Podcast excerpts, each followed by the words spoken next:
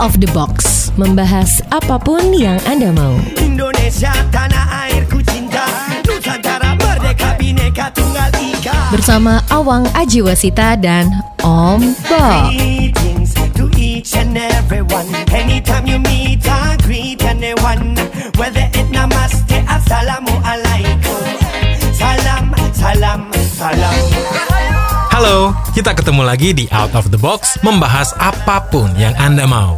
Sudah siap di sini Awang Ajiwasita bersama Om Bob. Langsung saja kita mulai diskusinya. Om Bob, KPK kembali jadi sorotan publik nih akhir-akhir ini. Salah satunya kasus pelanggaran kode etik yang dilakukan Wakil Ketua KPK, Lili Pintauli. Ini sebenarnya ceritanya gimana sih? Ya ini kan memang kemarin viral ya di televisi itu kalau kita lihat talk show talk show-nya itu hampir seluruh televisi yang basisnya itu talk show ya televisi berita. Itu semua bicara soal ini ya. Ya kalau kita telaah dengan betul ya dengan merenung-renung ya itu apa yang terjadi itu memang sebetulnya kita terenyuh ya. Bahasa Jawanya bilang terenyuh ya.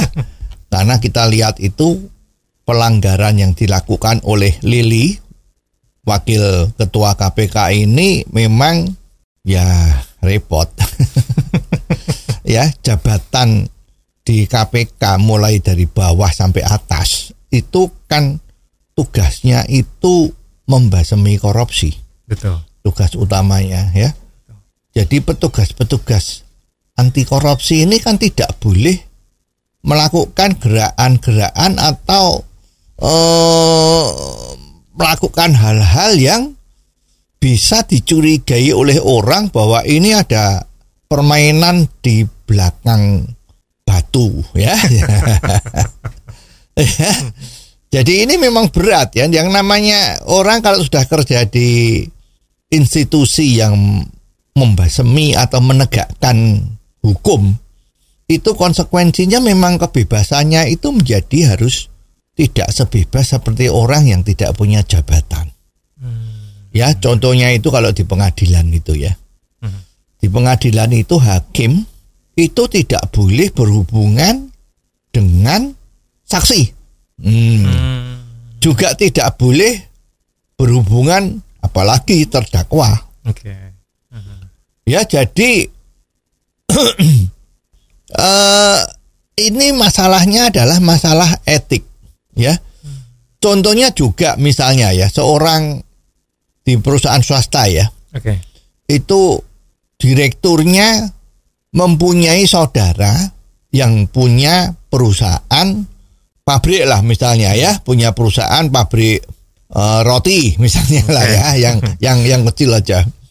Nah, terus suatu saat eh, institusinya perusahaan itu membutuhkan banyak roti ya untuk dihidangkan sama acara dia yang kira-kira butuh eh, katakanlah eh, lima ribu roti gitu misalnya ya yang atas nama biayanya akan dikeluarkan oleh perusahaannya untuk kepentingannya perusahaannya. Nah ini juga roti ini dibeli dari mana?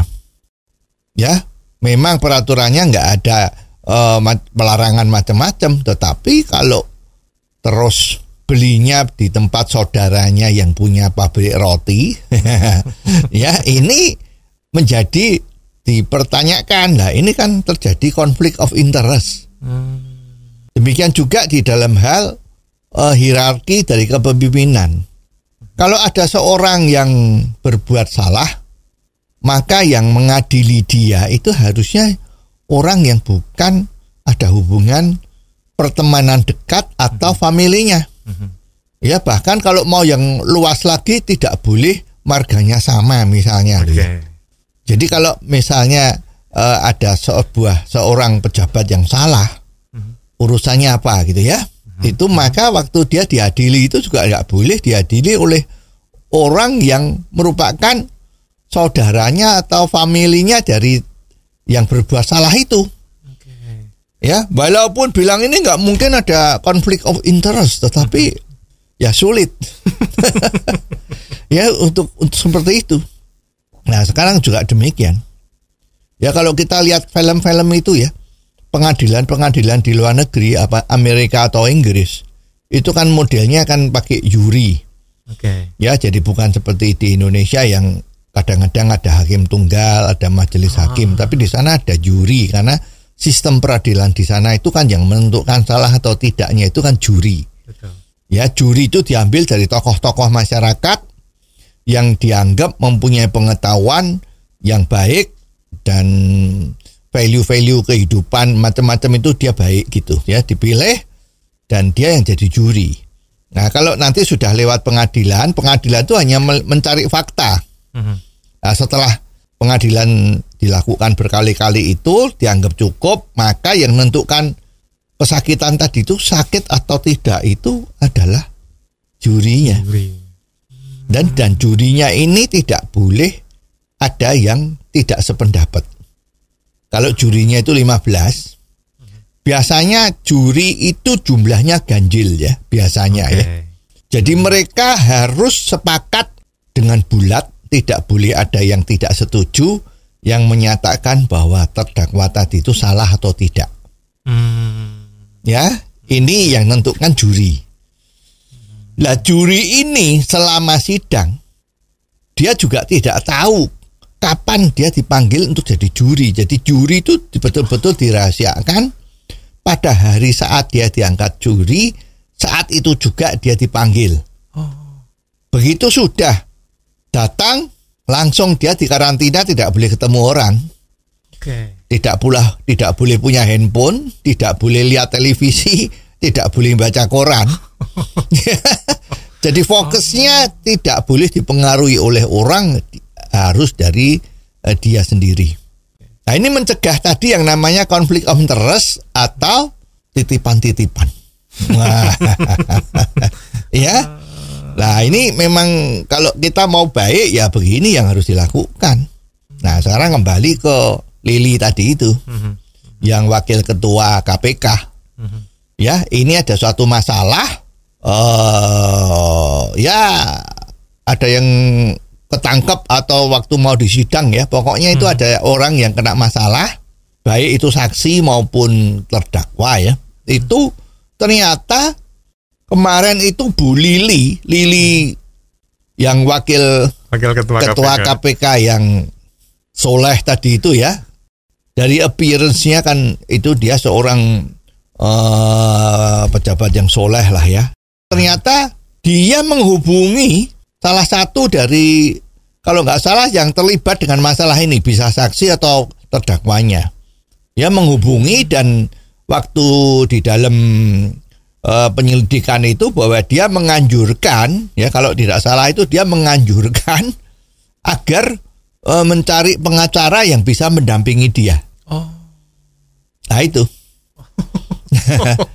ya jadi ini semua orang aja ditanya-tanya loh kenapa kok dia memberi rekomendasi ada apa ya hmm, kan gitu Mhm. ternyata pada saat di sidang dewan pengawas sidang dewan pengawas ini dilakukan karena memang ada laporan-laporan bahwa ini Lili kita ini sudah berbuat sesuatu yang melanggar kode etik yaitu ketemu dengan pihak-pihak yang lagi berperkara di KPK Ah. ya Oke. lah ternyata putusannya dari dewan pengawas tadi itu membetulkan bahwa telah terjadi pelanggaran yang dilakukan oleh ibu kita ini. Oke. Kalau kita ingat dulu kan ada lagu itu Ibu kita Kartini. Kalau ini bukan, ini ibu kita Lili, Lili. wakil ketua KPK. Nah, sekarang ini bersalah dalam bidang apa? Ini kan salah di dalam kode etik. Hmm. Ini berat mestinya. Mestinya berat. Jadi hukuman yang dijatuhkan itu juga membuat orang terheran-heran. Pasti berat banget nih. Mestinya berat banget. Tapi ternyata sekarang yang diumumkan waktu kita lihat itu diumumkan di televisi itu ya. Itu kan mengatakan dengan demikian telah melanggar aturan dan melanggar kode etik maka dihukumin. Wah, hukumannya potong gaji 40% selama 12 bulan. Waduh, kalau melihat 40 persennya itu kan kelihatannya oke ya. Banyak ya. Banyak, ya kan? Ternyata yang dipotong tuh 40 persen tuh dari gaji pokoknya. Oh. Lah, sistem penggajian di Indonesia ini kan seperti ini gaji pokoknya.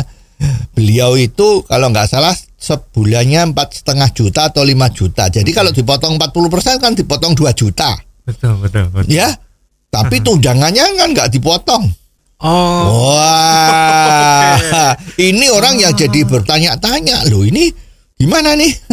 Kelihatannya hebat dipotong 40 persen. Ternyata kalau dirupiahkan tuh cuman kurang lebih 2,4 juta per bulan.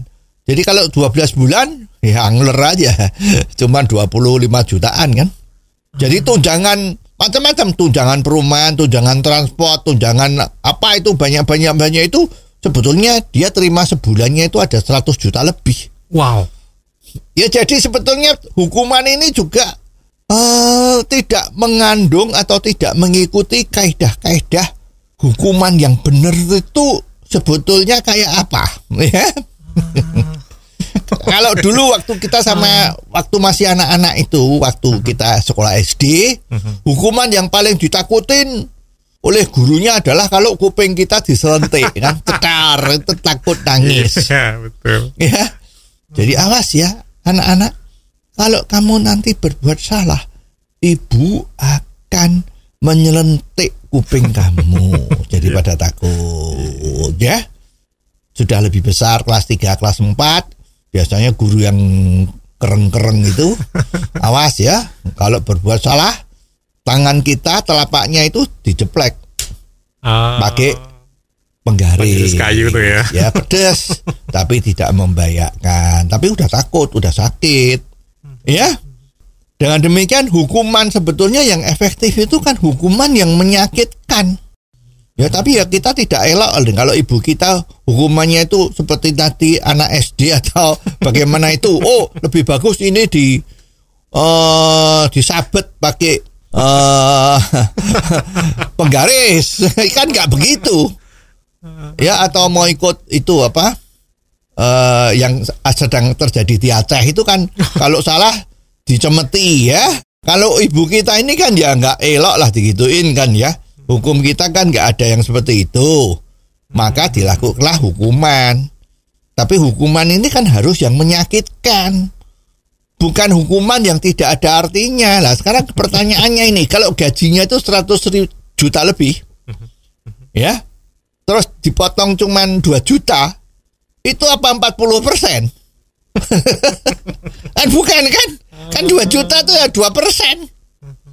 Lah kalau hukumannya itu didenda, dipotong gaji selama 12 bulan, dan jumlahnya cuma 2 juta saja, itu menyakitkan nggak? Enggak sih. Iya. Nah, kalau nggak menyakitkan kok hukumannya jadi seperti itu?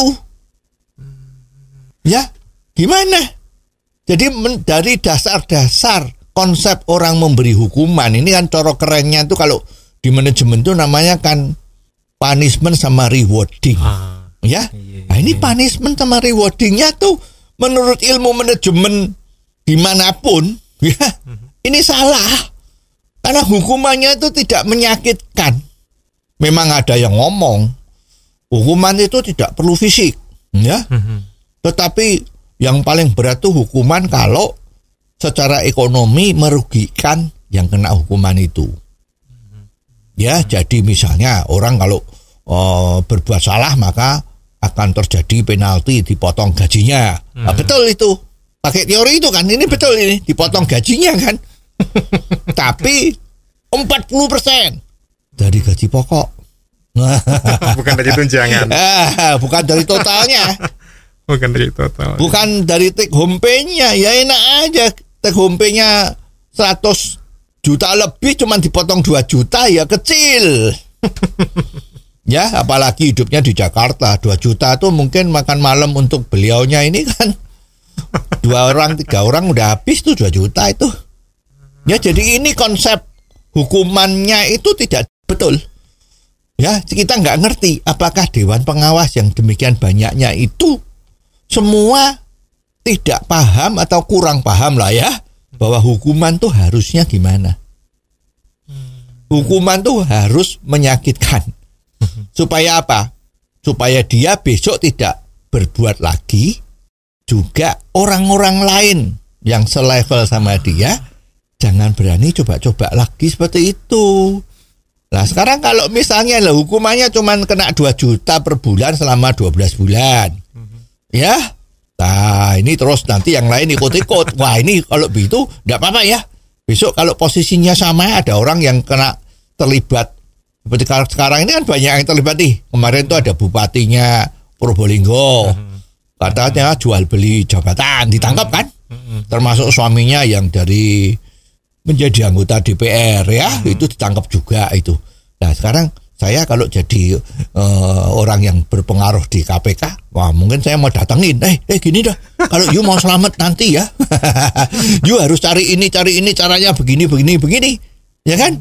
Nah ini kalau ada deal-deal lagi, karena kan kasusnya ini kan jual beli jabatan, ini bisa jadi ini jual beli solusi, Cuma beli solusi. ya dah. Nah, aku dapat duit nih orang orang kan nggak tahu, ya kan? Paling kalau ketahuan didenda 2 juta, sama dengan ibu wakil ketua tadi itu kan. Ini kan sama sekali tidak benar nih. Ya kalau kita lihat itu ada ICW, ya eh, lembaga-lembaga orang yang memperjuangkan supaya korupsi di Indonesia itu makin lama makin hilang. Itu juga harusnya ini adalah diberhentikan dengan tidak hormat. Harus dan tambah sekalian masuk penjara. Karena ini betul-betul mencoreng wajah dari KPK yang sangat agung di dalam usaha membasmi korupsi. Tapi sebenarnya Bob, ini minta maaf sebelumnya ya. Sepertinya kan Bapak Ketua KPK kita dulu juga pernah kena kasus kode etik juga kan? Ya ini minta maafnya sama beliau ya. ya memang itu sudah diputuskan juga. Ya dulu kalau nggak salah itu urusannya kan dia pulang mudik atau apa itu pakai helikopter mewah. Betul, betul. Ya kalau nggak salah satu kali itu katanya bayar ya. Kalau nggak salah satu kali terbang itu 60 juta atau berapa itu ya. Wow. Nah ini kan juga dianggap sama Dewan Pengawas bahwa ini eh, melanggar kode etik, ya. Eh, kok bermewah-mewah, ya. Betul. Itu kan nyarter helikopter eh, sendiri ya. Wah untuk eh, pulang kampung atau apalah misalnya seperti itu ya. Kita nggak ngerti. Ya, pokoknya ada keperluan pribadi tapi naiknya charter helikopter pesawat helikopter pribadi. Nah, dan itu memang sudah juga disidang dan putusannya juga eh ringan. Ya. Kirain berat banget. iya, kata kalau nggak salah itu putusannya eh, memberi surat peringatan tertulis. Nah, ya, dah, jadi mungkin sekarang mau ngambil putusan sama ini ibu kita wakil ketua tadi itu ya mungkin jadi biasa kan sesama bis kota kan tidak boleh mendahului. jadi ini juga ewoh kewoh. Wah, dulu itu my boss kan seperti itu. Hukumannya peringatan tertulis. Sekarang mestinya ya kalau ada kesempatan membela diri kan mungkin juga membela diri. Jangan gitu dong. Masa hmm, beliaunya cuma tertulis kok saya mau dihukum macam-macam. Ya udah.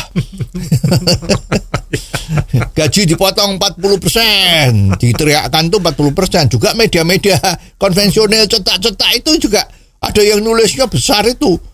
Dengan hukuman dipotong gajinya 40%. Tapi nggak ngomong gaji pokoknya. pokoknya itu dihilangin. Ya jadi orang kalau bacanya nggak sengaja dipikir wah putusannya hebat. Ya kita bayangin yang namanya gaji itu kan take home pay ya. Betul. Wah, kalau gajinya 100 juta dipotong 40 juta, ya mungkin nangis, ya dah. ya dah. Kalau dipotongnya 12 bulan, setengah miliar, ya. Wah. Bisa buat beli rumah, ya. Misalnya begitu. Jadi ini memang repot, ya. Kalau udah seperti ini repot, ya. Para pejabat yang ada di Dewan Pengawas itu sebenarnya siapa sih mereka? Ya kalau kita lihat daftar namanya yang duduk di Dewan Pengawas itu kan ampuh-ampuh. Wah, luar biasa. Ya, dedikasinya kuat, integritasnya tinggi. Ya. Terakhir yang maaf yang sudah almarhum yaitu Hakim Agung dulu Artijo Al Kausar Hmm.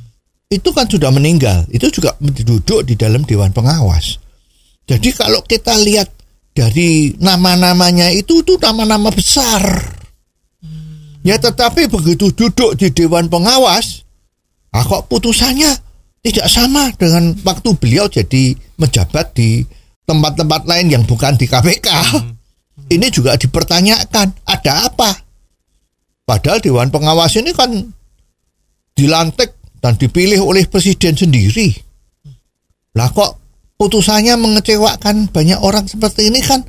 Sepertinya kan juga nggak enak dong sama presiden yang lantik atau presiden yang milih. Wong presiden kita itu yang terkenal luar biasa kerjanya, integritasnya tinggi. Lah kok pilihan-pilihan orang-orang yang duduk sebagai dewan pengawas KPK yang seharusnya hebat ya memang hebat waktu dipilih kan. Tapi pada saat mengambil keputusan-keputusan yang sangat vital, sangat esensial, itu kok maaf kok melempem. Seperti kerupuk kalau sudah kena angin tuh melempem, tidak keras, tidak keras. Ini kan bikin malu yang ngangkat. Atau ada yang lain? Nggak tahu.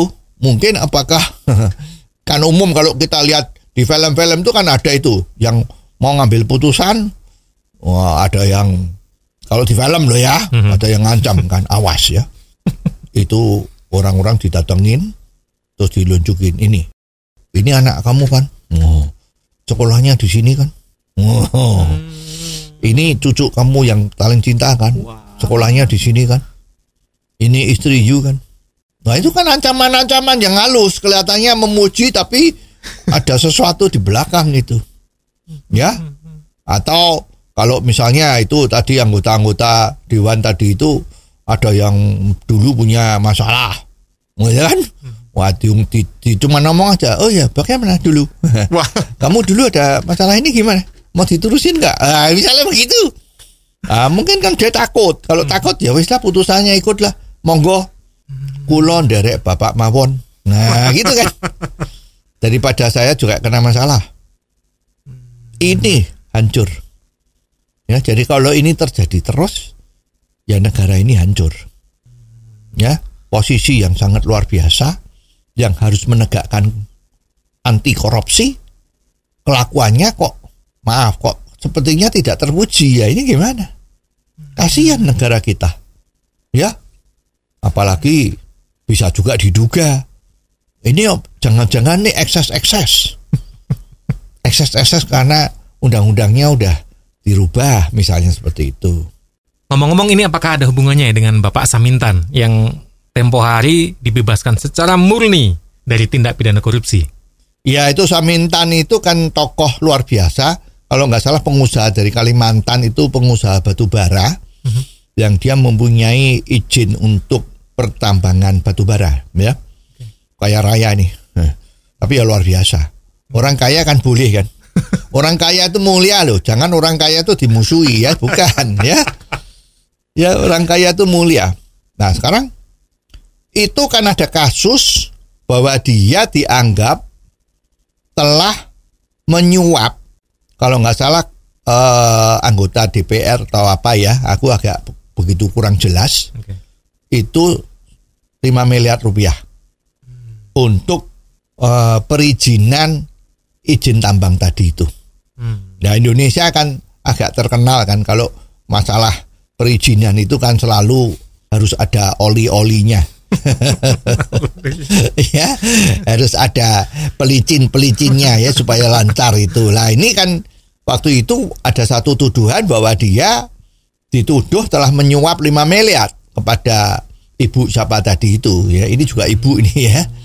Nah, ternyata setelah di dalam pengadilan itu dia dibebaskan. Nah, memang orang menjadi bertanya-tanya, loh, ini yang terlibat dengan kasus suap menyuap yang cukup besar, 5 miliar ya. Kalau tadi yang dipotong hukumannya kan cuma 2 juta. Ini 5 miliar nih ya. 2 juta 12 bulan 24 juta ya. 25 juta lah. ini 5 miliar jadi besar ya.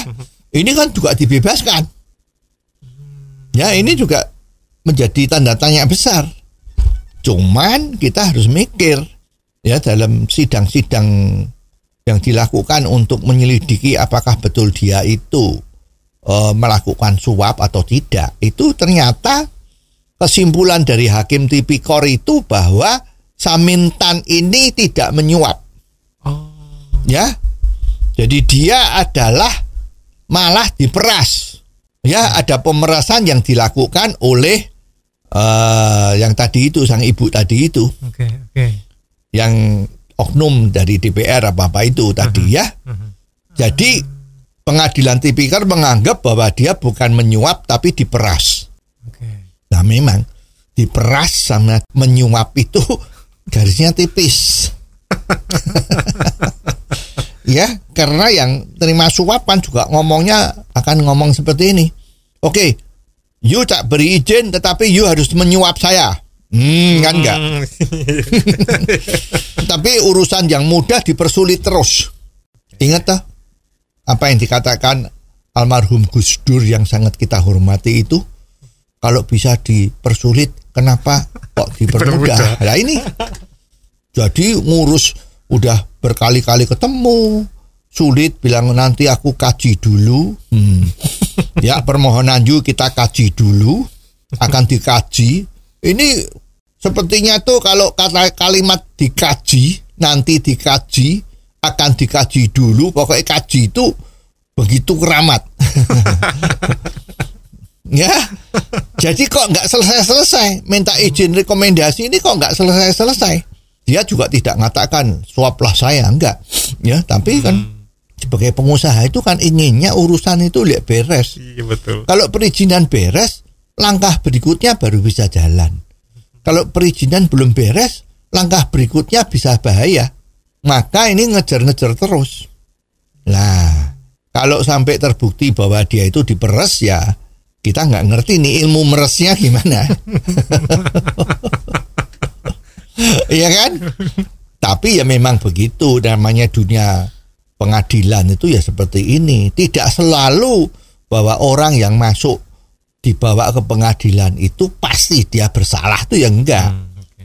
Ya, dan memang itu tadi pengadilan itu kan jalannya harus eh pakai akal sehat lah, ya. Jadi memang fakta-faktanya kayak apa, saksi-saksinya kayak apa, karakter orang yang tadi itu menjadi tersangka tadi itu gimana, ya. Kan biasanya kan kalau dia residivis sudah berkali-kali nipu pada saat disidang kesekian kalinya ya udah mesti ini ya kemarin nipu-nipu terus ya kali ini mestinya nipu karena nipu udah menjadi budayanya dia misalnya seperti itu ya. Terus kalau sebaliknya kalau yang sudah yang dituduh menerima suap tadi itu ya kalau selama ini ada track recordnya ya mungkin bisa saja oh ini betul ini berarti melakukan pemerasan pemerasan sama suap itu kan susah tergantung siapa yang lebih dahulu. Ya itu kalau oh, yang nekat itu kan pengusaha-pengusaha Jepang ya. Nggak cuma pengusaha lah politikus Jepang juga begitu. Ya dia sempat mengatakan kan juga ini ya isu ini isu ya. Bahwa di Indonesia itu semua itu bisa eh, ada jual belinya. Hmm, artinya itu apa pun di Indonesia itu bisa dibeli. Bisa dibeli. Ah, gitu tanya begitu. Yang penting kamu tahu harganya enggak. Nah, ini kan bikin mencoreng kita di Indonesia ini kan. Masa Indonesia kok dianggap seperti itu kan? Ini sebetulnya kita nggak boleh marah karena ini persepsi dari orang luar.